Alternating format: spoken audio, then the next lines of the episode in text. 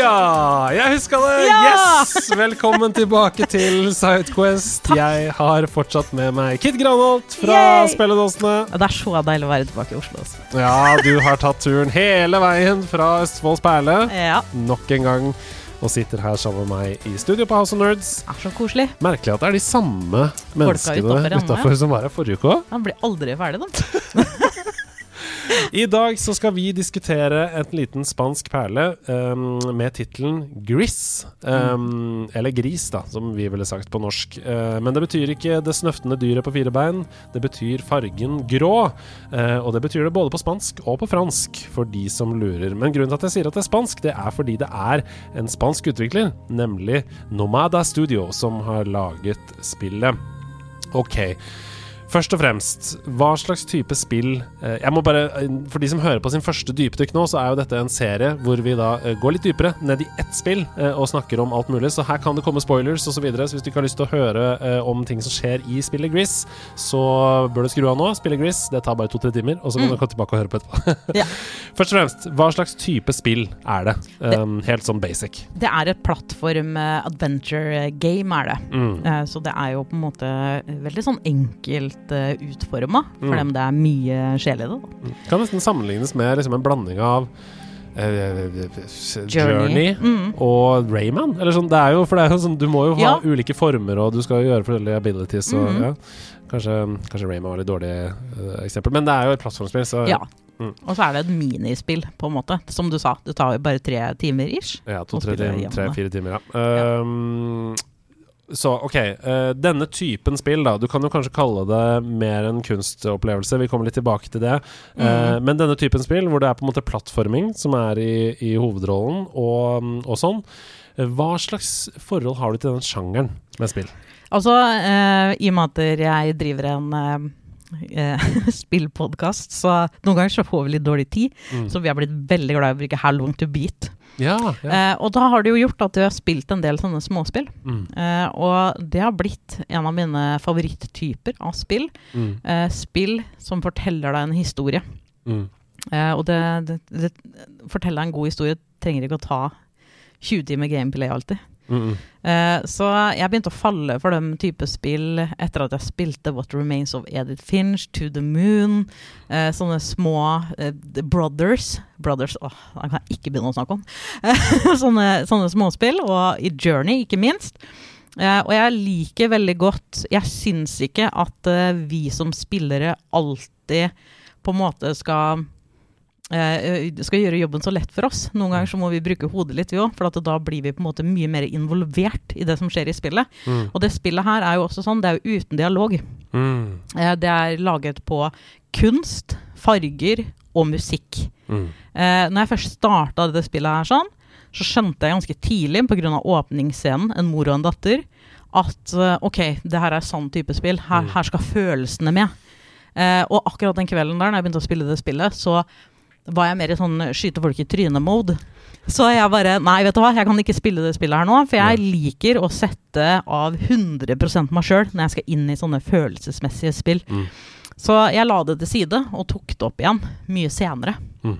Fordi at vi fikk det, jeg fikk det hjemmeleks i sommer av Celine, faktisk. Ja, for det var mitt neste spørsmål. Du, spil, jeg sa at du spilte jo ganske nylig, Ja. eh, som en del av på en måte et oppdrag i Mm. spilledåsene. Og um, hvordan var det? Fordi det er jo litt sånn ehm, Hva skal jeg si? Noen spill er greit å på en måte bli tvunget til å spille, Mm. mens andre spill er sånn det må komme fra innen deg selv at du skal Ja. kose deg med det. Ja, du skal ikke fortelle meg hva jeg skal spille, for da skal Ja. jeg i hvert fall ikke spille det. Nei. Ja. ja. Nei, altså, i og med at jeg hadde starta det tidligere, um, så visste jeg jo på en måte starten på spillet, og jeg skjønte jo at det spillet her kommer til å handle om sorg. Mm. Uh, og jeg gikk ikke tilbake til det spillet fordi at uh, i, i vår, når jeg starta det her liksom like etter jul, og Mm. sånn rundt i mars, så fikk jeg beskjed om at faren min hadde kreft. Mm. Og da um, skjønte jeg at der, jeg kan ikke gå tilbake til det spillet, for jeg skjønner at det handler om sorg, for det er mor og en datter. Du skjønner det ganske tidlig hva det her handler om. Mm. Så når jeg fikk det hjemmeleksa av Celine sommer, da, så tenkte jeg faen.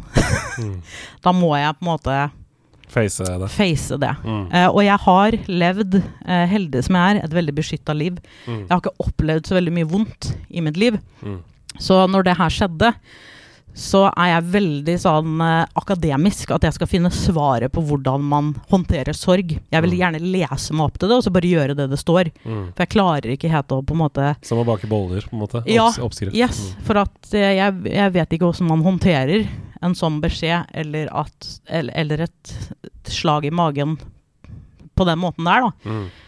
Så jeg grua meg helt vilt til å spille det spillet her sånn. Mm. Eh, men det jeg fant når jeg gjorde research på hvordan jeg skulle overleve det her, rett og slett, så fant jeg jo eh, den sorgmodellen da, som jeg snakka litt om eh, når vi snakka om det i spilledåsen også. Mm. Eh, og det er en modell som er satt opp eh, som tar deg gjennom fem stadier av sorg. Mm. Og det er jo akkurat det det spillet her gjør òg. Mm. Vi kommer litt tilbake til Mm. det etterpå. Det blir veldig spennende. Um, det må jo ha vært en sånn um, Hva skal jeg si En helt unik dobbeltbunn for deg da i å spille det. Mm. Eh, det kommer vi sikkert tilbake til. Men, men hvis vi skal liksom skrape litt i overflaten først, så hva slags gameplay er det her? Vi har snakka om plattformspill, men hva er det man gjør? liksom? Hva, hva er det hovedpersonen din kan gjøre? Eh, det du på en måte skal, er jo å samle sånne eh, type orbs som Mm. gjør at du får en ny pathway. Mm. At du på en måte kan gå eh, andre steder. Mm. Eh, og spillet starter jo på en måte i ruiner. Mm. Og du må komme deg gjennom de ruinene. Du må skaffe farger og, og veier du kan gå for å på en måte komme Du skal komme deg opp. Mm. Opp til himmelen, liksom, da, på en måte. Mm. Eh, det er egentlig Det er på en måte noen sånn småpuzzles, mens egentlig så er det på en måte en mer sånn uh, walkthrough-opplevelse Mm. uh, gjennom Det er som å gå gjennom et galleri, da. Mm. For det er så flott gjort. Musikken er fantastisk, og Kan du si litt om det? Altså selve settingen vi befinner oss i? Fordi vi har jo ikke vært så konkrete på det. Altså Hva, hva slags landskap er det her? Hvordan ser det ut eh, i bakgrunnen? Er det svart-hvitt? Er det farge? Hvordan er det? det endrer seg jo etter Mm. hvert som spillet i progresjonen da, med spillet. Mm. Um, så det starter jo, eh, som jeg sa innledningsvis òg, at det er en mor og en datter. Eh, og du ser at den den morstatuen knuser. Mm. Det er jo tydelig at der, hun mister jo mammaen sin, da. Så handler det på en måte spillet om å klare å bygge seg opp eh, igjen. Og det gjenspeiles i landskapet. Mm. Man starter jo i, i virkelig sorg, hvor alt er ruiner, og alt er svart-hvitt, da. Mm. Som det jo ville vært i virkeligheten òg, på en måte. Mm. Eh, og det ser man jo også i landskapet også. Etter hvert som man får farger, grønn, rød og sånne ting, så rød på en måte er litt mer sånn ørken, mye vind, grønn skog, Mm. blått vann og is. Eh, men spillet er veldig sånn designa eh, vannfarger. Mm. Eh, eh, jeg har sett litt sånn behind the scenes og sånn om det spillet her, sånn, og de hadde jo lyst til at hele spillet skulle være tegna. Mm. Men de skjønte at eh, det ble for mye. Mm. Så, men en del av spillet er faktisk vannemalt, med vannemaling, Ja. og så har de skanna det inn. Mm. Ja, det er veldig flott. Mm. Um, det er jo et spill som er fylt med symbolikk på Mm. alle kanter. Altså, det føles som om ikke en eneste piksel er på en måte ment å fortelle en historie. Mm. Mer enn det som du bare ser. Um, mange mener jo, som du var inne på, at spillet tar deg gjennom de tradisjonelle fem stadiene da, av Mm. sorg. Er du enig i det, og har du lyst til å fortelle litt om det? Jeg er veldig enig i det. Mm. Eh, den heter Kubler-Ross-modellen. Eh, Mm. og det er en sveitsisk eh, psykiater som eh, prøvde å forklare de fem stadiene av sorg. Eh, fordi sorg er jo en følelse som alle håndterer forskjellig. Mm. Det fins ikke noen fasit. Dette er heller ikke en fasit, men det kan være en god forklaring. Eh, det kan kanskje være ganske behjelpelig for de som er pårørende, Mm. for folk som opplever sorg også. Og akkurat som vi, at vi sa i forrige podcast, at uh, noen spill er eh, Crash Bandicut Mm. uh, og skal treffe veldig bredt, så er det på en måte sånn at denne modellen funker nok for en bred del av befolkningen. Og så er det selvfølgelig sånn at hvis du ikke passer inn i den, så er det helt, uh, Så er det helt okay. helt vanlig, på en måte. Ja, ja. Men, men at mange vil kjenne igjen i hvert fall deler av denne modellen da, i sine egne sorgprosesser. Mm. Mm. Ja, første stadiet i, en, uh, i, i sorg er jo uh, avvisning. Mm. Eh, at du ikke vil innse fakta. Eh, skjer det noe vondt, så vil du gjerne bare skyve det under en stol og Ja, du, du prøver egentlig bare å rømme virkeligheten, da. Og det er jo akkurat det som skjer i spillet òg. Man blir jo bare satt eh, i en svart-hvit verden med bare masse ruiner, og det eneste du skal gjøre i det stadiet, er å prøve å komme deg vekk fra det. Og løpe vekk. Eh, og det er helt uten farger, selvfølgelig. Eh, ja, det kjenner jeg meg veldig godt igjen i. Når jeg fikk den beskjeden jeg fikk òg, så Nei, det kan ikke stemme. Det må, vi må ta noen nye prøver. Det er, det, dette stemmer ikke, liksom. Det er bare, bare tull. Det er, Mm. det er løgn, liksom. Så det kjente jeg meg veldig godt igjen i, og jeg syns jeg representerer det veldig godt i spillet òg. At man flyr litt sånn hodeløs rundt i førsten der, sånn, lurer, for det er starten av spillet òg, ikke sant. Man lurer litt på hva som skjer, og hvor skal jeg, og hva gjør jeg egentlig? Og, Mm. så, og musikken er på en måte veldig dempa. Uh, og neste, Det er liksom tomt, på en måte. Mm. ja, veldig. Og neste, eh, som jeg sa litt, at det, det handler om å på en måte eh, finne farger for å liksom få verden i farger igjen. Mm. Eh, og neste stadie i sorgprosessen er jo, eller som også er i spillet, er fargen rød. Og det symboliserer sinne og urasjonelle ideer. Eh, og det er også kjente jeg meg veldig godt igjen i, det at man blir sinna, og ikke ting er ikke rasjonelt. Eh, og i, i spillet da, så er musikken altså så sinna. Og det kommer en vind i spillet som blåser deg vekk. Du har ingen muligheter da, til å komme deg framover. Hvis du er sinna og sta, så kommer du ikke framover i virkeligheten. Men du får en ability når det her stadiet er, og det er helt rødt, og det er ørken, det er masse vind, musikken er sinna. Jeg kjente på det sinnet sjøl òg. Da får du en ability hvor da kappa til hun jenta du spiller, kan gjøres om til en stein. Sånn at du stopper da den Du kommer deg gjennom vinden, da. Og det symboliserer på en måte stahet. da. Er det noe du er som sinna, så er det sta. Og stahet kan man komme langt med. Og det tror jeg er sånn Når det verste sinnet legger seg, eh, og staheten kommer, så begynner man liksom å push through, på en Mm. måte. Skal, skal faen meg finne løsninger her, liksom.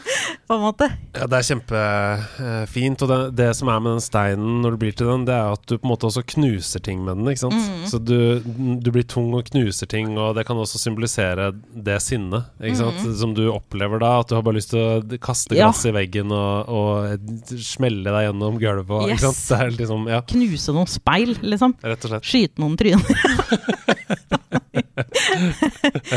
Eh, og neste farge i spillet da, det er jo grønn. Mm.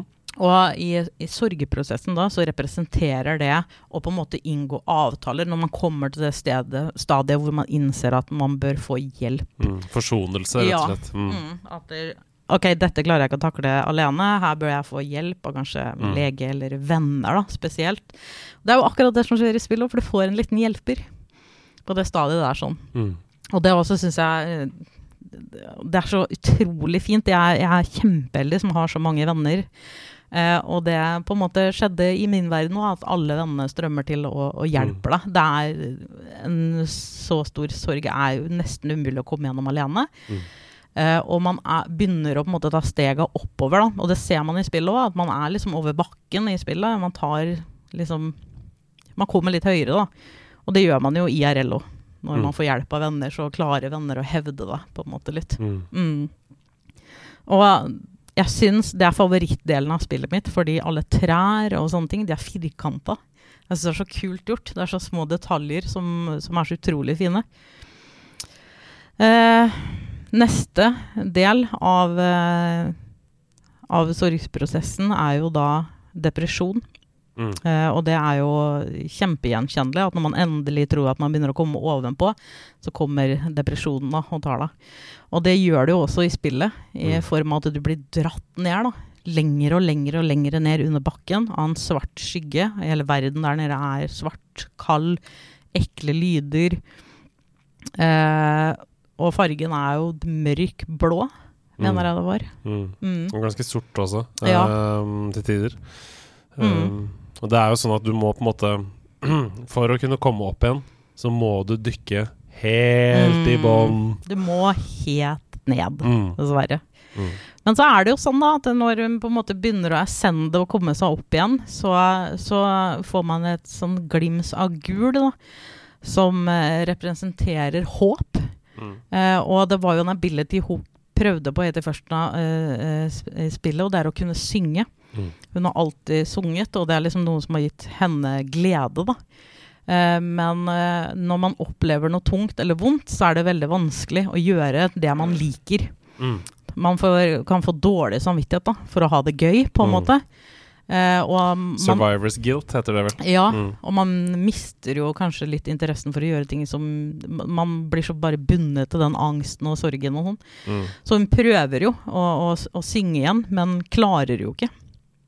Eh, og når hun er der nede, så, blir det jo, så ser man jo at hun får hjelp av en sånn skilpaddevenn som begynner å dra henne opp av overflaten igjen. Mm. For det er jo sånn at der, venner kommer stadig tilbake i livet ditt, men sånn er det også med angsten. Angsten kan jo være der også hele tiden, og du ser at hun blir hånta av den.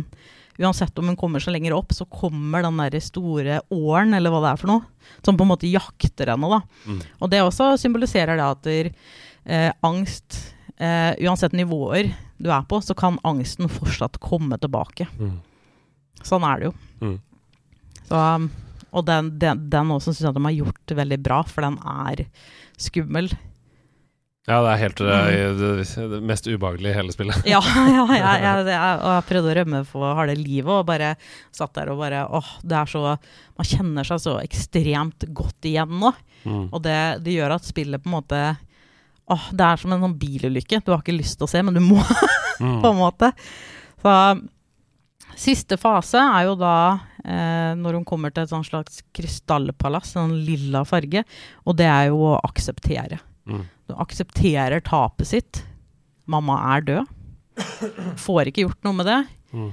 Men det betyr ikke at hun ikke skal slutte å leve for det, for minnet varer evig. Mm. Og da synger hun jo igjen. Og holder på å bli kvelt Mm. av uh, angsten og det sorte Mm. og, og alt som har symbolisert, men uh, synger seg fri fra det. Ja. Mm. Og når hun synger òg, da, så ser du at blomster og, og alt Mm. våkner til liv igjen. da. At det gir på en måte håp igjen, på en måte. Mm. Eh, og den sluttscenen der sånn er jo altså noe av det mest rørende jeg har spilt i hele mitt liv, Mm. tror jeg. Det er fantastisk. Mm. um, Du Gå og opplev det selv, sånn at vi ikke spoiler noe mer for dere. Eh, kjempefin gjennomgang. Var det mm, eh, Hvordan hjalp dette spillet deg sånn, Det- i din situasjon? Det hjalp meg på den måten at eh, når, jeg, når jeg først fikk den beskjeden her sånn, og visste at nå skal jeg leve med en pappa som er syk, og hvordan skal jeg håndtere det her, som har vært på en måte så skjerma, da, og det at jeg prøvde å på en måte finne en logisk forklaring for det jeg følte, en, Mm. en oppskrift på en måte, Um, så gjorde det spillet her sånn at du trenger ikke en oppskrift. Du trenger Mm. ikke å lese deg til å bli frisk. Det er, det er lov å skrike, det er lov å Mm. gråte, det er lov å være sinna. Altså, alt det her er lov. Det er lov å be om hjelp fra venner. Mm. Eh, de, det åpna på en måte det aspektet om at alt Du kan ikke lese deg til alt, Kit. Mm. Mm. Ja, nei, vi skal ikke spoile alt i denne historien, men det er noen liksom, ting som jeg vil snakke med deg om. Du har analysert mye av det allerede, men Mm. jeg har lyst til å liksom sette mm, eh, forstørrelsesglasset Ja. litt på noen momenter. Uh, og først så skal jeg bare prate litt om, um, om starten. Du var jo også inne på det. Det begynner jo med at uh, hovedkarakteren vår da uh, bryter sammen på Mm. bakken etter at det på en måte sterke, stabile rundt henne, symboliserte da en statue av en kvinne som viser seg å være moren hennes, Mm. Eh, som holder henne i hendene, kollapser. Eh, og deretter så ligger hun altså på knærne i et landskap som er ganske tomt, som du sa, og Mm. må gå fra venstre mot høyre. Mm. Og bak henne så er det bare hvitt. Mm. Altså fortiden. Er noe, du kan ikke gå bakover, du må Du må fremover, ja. Og hvis hun, den eneste veien videre er framover. Men hvis hun går til venstre i starten, hvis hun velger å gå bakover, altså bakover i tid rent symbolsk, Mm. så kommer hun da nærmere det smertefulle som har skjedd, i form av at statuen ligger der, Yes. knust. Og med en gang hun kommer tett på den, så bryter hun bare sammen. Mm. Så det er liksom sånn Å, å stå i det, å stå i den sorgen og smerten, Mm. det er helt meningsløst. Mm. Du kommer ikke til å komme videre hvis du står der. Du er nødt til å gå mot høyre. må Ja. Ehm, så allerede der så får man på en måte det. Og jo mer da hun distanserer seg fra den statuen, og så kommer framover i spillet, kommer lenger fram, så uh, jo sterkere blir hun jo. Du har snakka om det eh, allerede, men gjennom spillet så vokser hun, hun blir mer levende, hun får flere evner uh, etter hvert som hun er lenger og lenger unna det som skjedde. Mm. Uh, fra å da ikke kunne noen ting til å kunne det meste Mm. etter hvert. Um, livet går videre. Eh, er, du, er du enig i det? Var det sånn du opplevde det? Ja, du helt enig. Og det, det gjenspeiler også det at stort sett hvis man får en vond beskjed eller opplever noe vondt, så er man kanskje sykemeldt, man er ikke ute med venner. Man gjør jo ingenting, og så gradvis så, så kan man alt igjen. Mm. Mm. Det er det 'tiden leger alle Mm. sår'-begrepet, som heldigvis Vi skal være veldig glad for at hjernen er skrudd sammen på den måten. At, Mm. uh, at vi kan glemme. Eh, Mm. bare tiden uh, gir oss eh, muligheten. Eh, og så tenkte jeg litt på de steinene som går rundt deg i begynnelsen. Mm. Helt i begynnelsen så er det noen små steiner med to bein som går rundt. Ja. Og, og når du kommer inntil dem, så går de fra å være steiner med to bein til å bare bli steiner.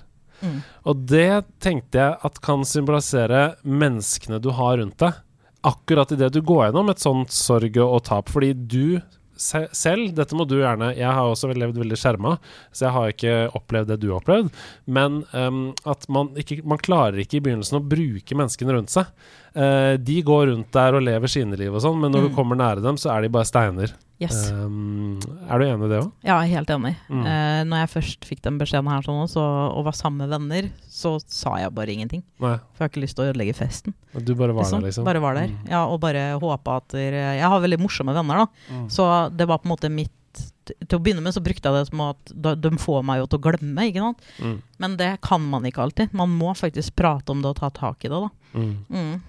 Mm. Og det der er nok noe av det eh, de som sliter med mental helseutfordringer, som jo Mm. er, eh, mener jeg, da, alle av oss, en eller annen gang i løpet av livet, i, større eller mindre grad. Om du f.eks. har vært uh, stressa for, fordi du har en prøve du skal ha muntlig eksamen, eller om du har kjent at du har fått høyere puls av noe, eller om det er såpass lammende at du på en måte ikke orker å stå opp om morgenen, så kjenner alle på det eh, en gang iblant. Og den setningen 'jeg vil ikke si noe fordi jeg vil ikke være til bry', Mm. eller 'jeg vil ikke si noe for jeg vil ikke ødelegge stemningen', 'nå er det jo så hyggelig her', Yes. det tror jeg veldig veldig mange repeterer opp i hodet sitt. Og det er bare én ting å si om det med en gang, at det er bare dritt i. Det er bare dritt i. Med en gang. Fordi, for det første, så øh, vil alle deg vel. Mm. Um, det har jeg veldig sterk tro på, at alle vil deg vel. Og i hvert fall de menneskene du har valgt rundt deg i livet ditt, som du har rundt deg. Uh, og hvis du forteller dem at uh, vet du hva, det er ikke så veldig bra nå, så vil de deg såpass vel at uh, de vil lytte. Og det vil bli bedre for alle. Mm. Fordi de er jo heller ikke interessert i å ha en venn som ikke har det bra. Nei, ikke sant? Um, så, så slutt med det. Slutt med den følelsen av at jeg er til bry og jeg kommer til å ødelegge hvis jeg sier noe. Det må Mm. dere alle som hører på, slutte med med en gang. Ok. Men spillet fortsetter jo på denne måten, symbolsk og sånn. Du snakka om den andre verden som symboliserer sinne. Um, du blir til en stein, du smasher gjennom ting, du står i de sterke vindene som er rundt deg. Har du noen sånne Du sa eh, kort om det i stad, men har du liksom en favorittverden? Er det noen sinnsstemninger for deg i spillet som liksom står ut, som du tenker Det kjente jeg meg mest igjen i, og hvorfor det er så godt? Jeg kjente meg jo på en måte igjen i de fleste stadier, Mm. men eh, akkurat i den grønne verden, Mm, hvor du på en måte ber om hjelp, da, Mm. og får den vennen, på en Mm. måte. Eh, som du vet, så har jeg jo to veldig gode venninner. Mm. Eh, så den satt godt, liksom, på en Mm. måte. Um, for det, det representerer akkurat hvordan de er. De hjelper meg gjennom alle level i livet. Mm. Og det er akkurat den lille hjelperen gjør òg, da. Hjelper dem å komme opp eh, på andre steiner og høyder, og. Mm. og bane litt vei for deg, da. Mm. Mm. Jeg er helt enig, eh, Mm. og så har jeg lyst til å diskutere én liten ting med den lille hjelperen. Mm. Fordi du eh, blir jo f.eks. til en stein som gjør at du kan hoppe i et tre sånn at det faller ned epler, og så samler den lille hjelperen epler. Fordi det er jo det den vil ha. Den er ute etter epler. Og når den hjelperen har fått nøyaktig så mange epler som trenger, så bare stikker den. Eh, hva betyr det? Fordi jeg tenkte sånn eh, Ja, Men han det- kommer jo tilbake hvis du trenger den. ja, men han blir jo også borte for alltid på et tidspunkt. Ja, det gjør han jo, for da går jo du videre til angsten, på en Ja. måte. Og hvis du opplever angst, så, så, så skjermer du deg fra vennene dine igjen. Ja, og det er det, og Mm. da føler jeg sånn Den uh, angsten hvor det er is og, og de Mm. tingene som kommer etterpå, um, den Det å endelig åpne seg, da, og Mm. slippe en venn inn i livet ditt og dele de problemene du har, det kan også føre til en sånn enorm angst for at de skal forsvinne igjen. Ja. Ikke sant? For det er sånn Nå har jeg endelig tatt det steget, ja. og så Ble det for mye for dem? Ja, ble det for mye? Mm. Nå har han fått alle eplene som han trengte. Mm. Så nå stakk han, og nå er jeg helt alene og i en isverden, på en måte. Mm, ja. Og så handler det vel også litt det at eh, man må passe på at man ikke bruker opp vennene sine. på en Mm. måte. At hvis man legger sine problemer og, og sitt liv over på venner, så er det jo like viktig å, å på en måte Har du noe du vil fortelle? Man må jo være der for vennene sine òg, ikke sant? Mm. Mm. Jeg er enig. Eh, Kommer du på liksom eh, Hvis man zoomer enda litt mer inn da eh, på et sånn enkelt øyeblikk Uh, Jeg snakka f.eks. om de steinene i stad. Jeg har et par her som jeg har lyst til å snakke med deg om etterpå. Jeg vil høre først om det er noe du kommer på fra du spilte det, som var sånn Ja, det var det, ja. Stemmer. Uh, jeg syns på slutten, når du kommer opp til den statuen igjen, når du Mm. ser at den statuen Den har jo vært full av sprekker og ting og tang. Og det er jo fordi at man løper jo vekk fra den, som Mm. jeg har snakka om, og man prøver kanskje å glemme det vonde, men det er jo viktig å på en måte sette sammen eh, mammaen sin for å beholde minner, ikke sant. Eh, og da er hun jo oppi hånda på den statuen igjen. Eh, og, og tar da liksom den første tonen, når hun synger, da. Mm. Så synger de sammen Mm. eh, og klemmer hverandre og grør. Ja, jeg vet. Det er- Det er musikken, og, og hvis man forstår symbolikken, da, Mm. så er det et utrolig sterkt øyeblikk når hun heises opp fra den hånda og synger. For det er på en måte en sånn aksept eh, og, og en lim sammen det gode, da. Det minner, liksom, for det om hun gråter. Mm. Mm. Ja, det er kjempefint. Jeg liker veldig godt um, symbolikken i de klokkene som er overalt. Jeg tror det er i verden to, så er det sånne klokker hvor du, Mm. du står på viseren innimellom, og de går rundt og sånn. Ja. For, uh, fordi, samme hva du gjør, så beveger de seg. Mm. Altså, tiden går videre. Ja, ja. Uansett, liksom. Uansett. Livet går videre, enten du vil eller ikke. Yes. Eh, og ofte hvis jeg er på, på jobb og, og gruer meg for eksempel fordi det er et arrangement som skal være på fredag, og vi er på tirsdag, og ingenting er ferdig, og, Mm. og jeg tenker sånn Det kommer aldri til å gå, og, så sier alltid Camilla til meg bare sånn Men tiden går videre uansett. Mm. Etter fredag så er det over. Eh, samme om eller det gikk dritt eller ikke, så er det ferdig Ja. på lørdag når du våkner. Mm. Eh, og hva er det verste som kan skje? Ja. Ikke sant? Um, så så det, det med at tiden alltid går, er Mm. for meg veldig mye trøst i. Da. Det er det. Um, for det vil si at to måneder fram i tid, seks måneder fram i tid, så er jeg et annet sted Mm. enn det jeg er nå. Det vil fortsatt bli jul. Ja, Ja. Og det gjør at den sorgen du står i der og da, blir litt lettere og litt mindre. Mm. Fordi du husker at det har vært jul før òg, og det Ja. var hyggelig, det òg, liksom. Mm. Eh, og så liker jeg fuglene. Mm. Eh, De fuglene de angriper deg i form av én stor fugl. Og hvis de ikke er det, så flyr de sammen med deg. Mm. Hva tenker du om det? Hva du at de Ja, vet du hva. Det der tenkte jeg litt på, jeg òg. Men jeg tror um, Jeg mente at småfuglene de, de er jo med på din ability til å hoppe høyt. Ja.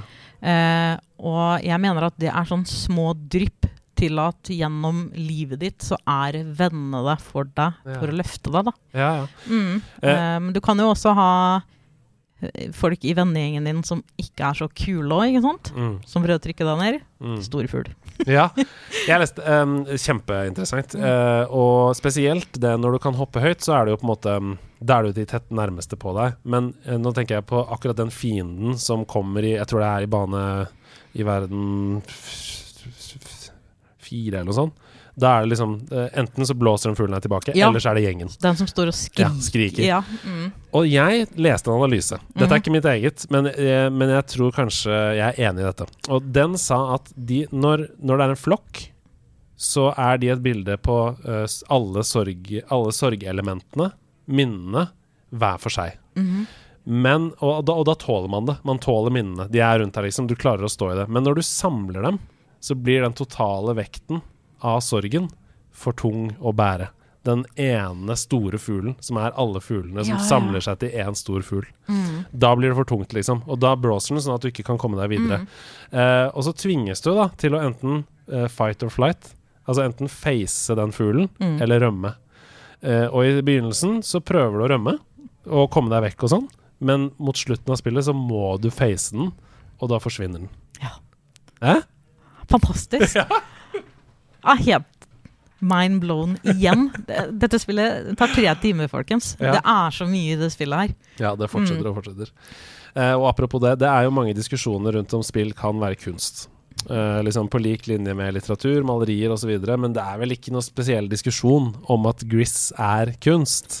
Det er et eh, galleri av et spill, Ja, liksom. det- mm. Det kan være, og, og hvilke andre type opplevelser som dette her kan du huske at liksom spillmediet har gitt deg? Er det noen andre type spill som du kommer på som kan på en måte være i samme kategori, eller som kan nesten sidestilles da, som opplevelser? Brothers, Ja. A Tale of Two Sons, Mm. det også er uh, Mm. Ja.